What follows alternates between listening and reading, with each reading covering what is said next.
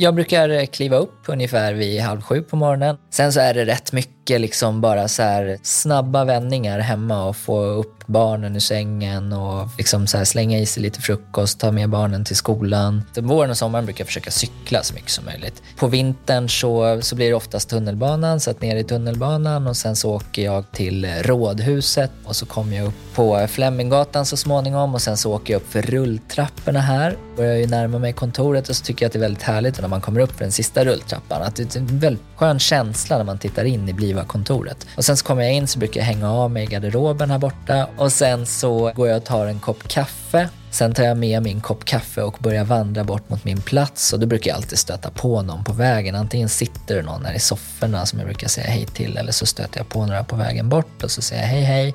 Och sen så ställer jag upp min dator, ställer ner koppen kaffe, loggar in och sen så liksom kör jag igång och försöker verkligen se till att Bliva blir så himla bra som möjligt och så bra som vi kan vara för våra kunder.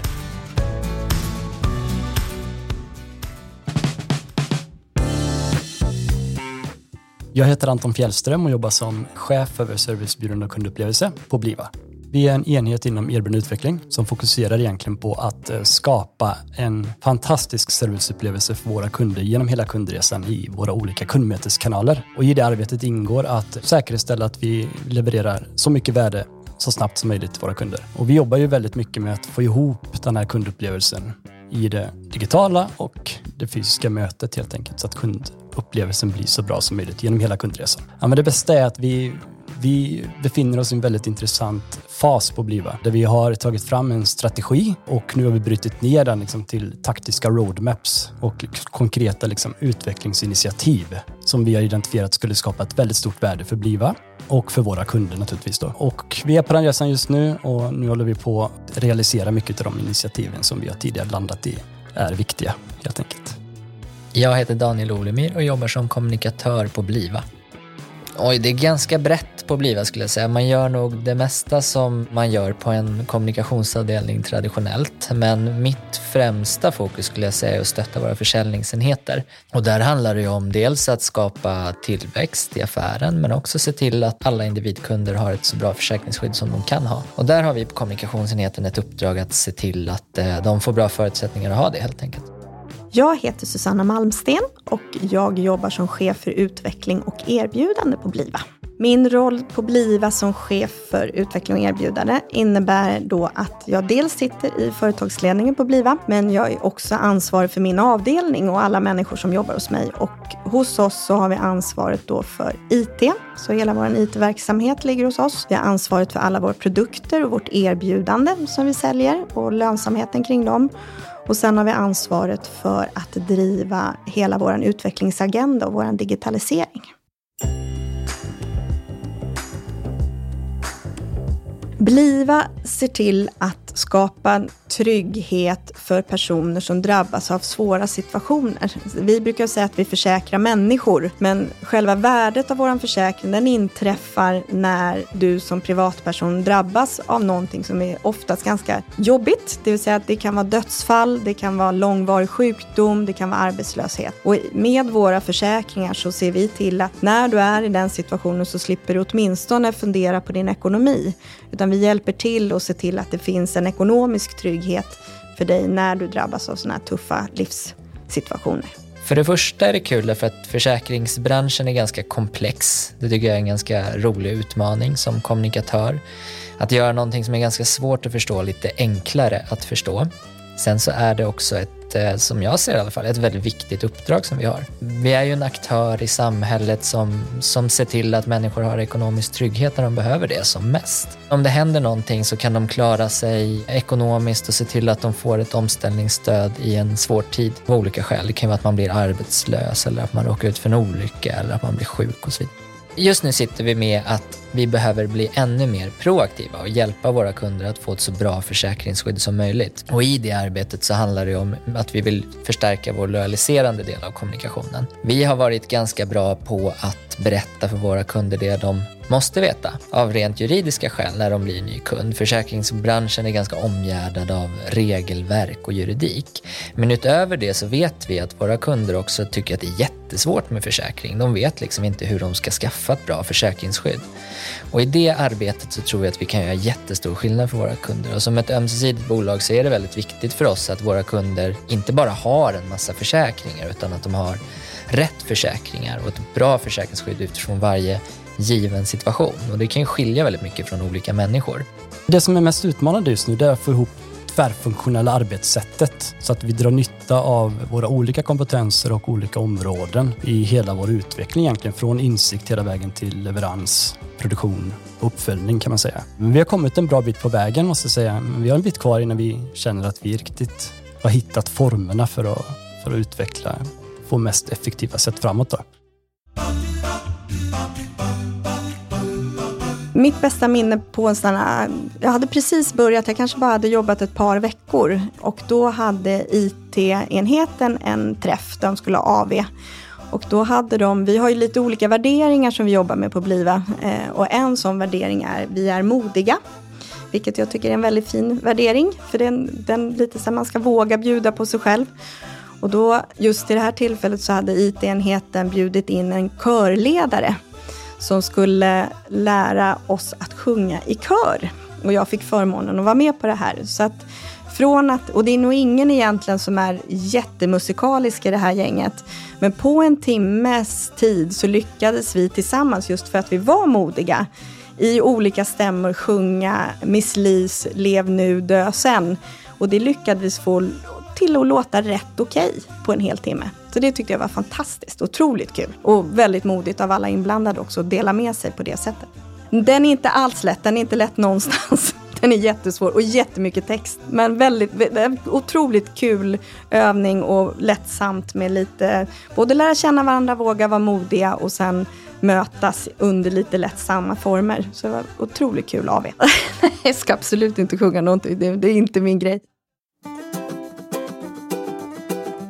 Vi jobbar ju mycket med att etablera en, en kultur som gör att, att vi alla känner en, en psykologisk trygghet i att, att vara med liksom och, och bidra till, till förflyttningen som vi gör. Och, och i det ingår ju naturligtvis också att man ska känna en tillit och förtroende för sina kollegor och att vi ska hitta former som gör att vi alla kommer till sin, vår fulla rätt egentligen. Och att vi är ödmjuka, att vi har ett, ett eh, konstruktivt förhållningssätt till varandra. Att vi tillåter varandra med mångfald och tänka olika men att vi samtidigt enas i en gemensam värdegrund som gör att vi känner oss trygga i sådana typer av eh, dialoger också helt enkelt.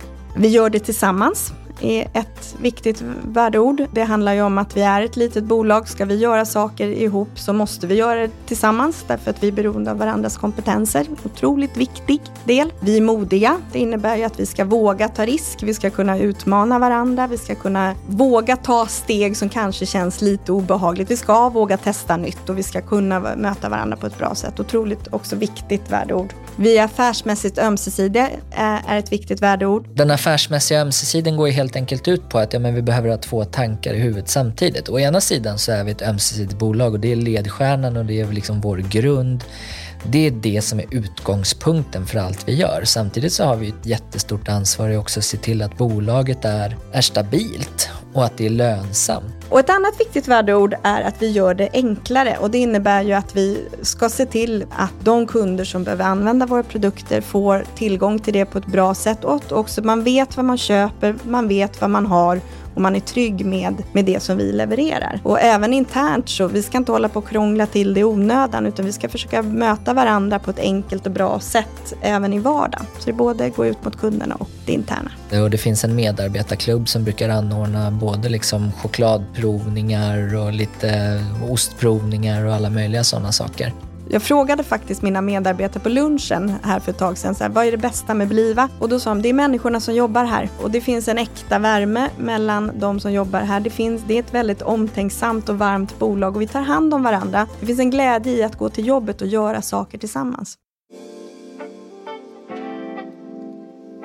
Fördelarna med att jobba på ett lite mindre bolag är ju att vi, det är väldigt nära i beslutsfattandet. Vi har nära till alla människor. Så oavsett om man sitter i en avdelning på Bliva och sen har behov av att få tillgång till kompetens på en annan sida av Bliva, då är det väldigt, väldigt nära. Vi sitter samlat. Det är korta beslutsvägar. Eh, det går snabbt att fatta beslut. Det går snabbt att åstadkomma förändringar.